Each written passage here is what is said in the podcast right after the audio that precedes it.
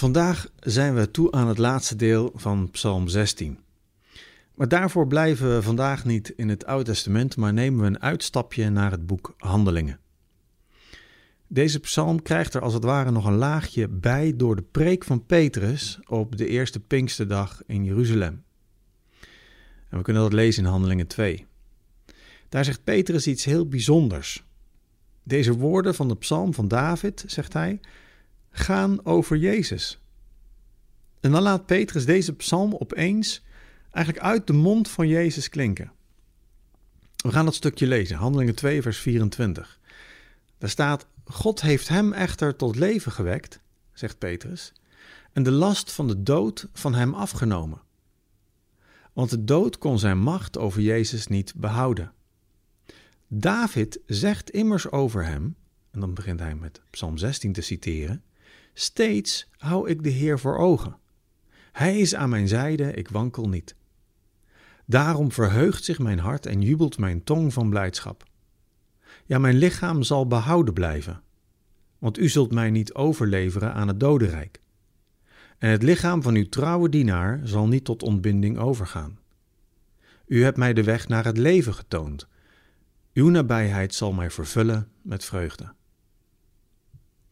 In een psalm die je helpt om je hoop op God te stellen en je aan de goede kant van de streep te houden, zegt Petrus: lees de psalm nu eens uit het perspectief van Jezus. Deze psalm omschrijft namelijk precies wat er is gebeurd met Jezus. Jezus die naar het kruis ging en die zegt: Mijn hart is blij en ik wankel niet, want u bent bij me. Het kruis betekent mijn einde, maar dat dodenrijk, daar blijf ik niet. Ik ga de weg naar het leven. Ik sta op uit de dood en ik zal naast u op de troon zitten, die lieflijke plek aan uw rechterhand. En dan krijgt die psalm opeens een, een, een etage erbij voor ons en, en komen er nieuwe betekenissen aan zinnen die eeuwen oud zijn. En misschien kunnen we ook iets meer begrijpen van dat soort moeilijke verzen dat we het graf niet zullen zien. Want hoe werkt dat dan?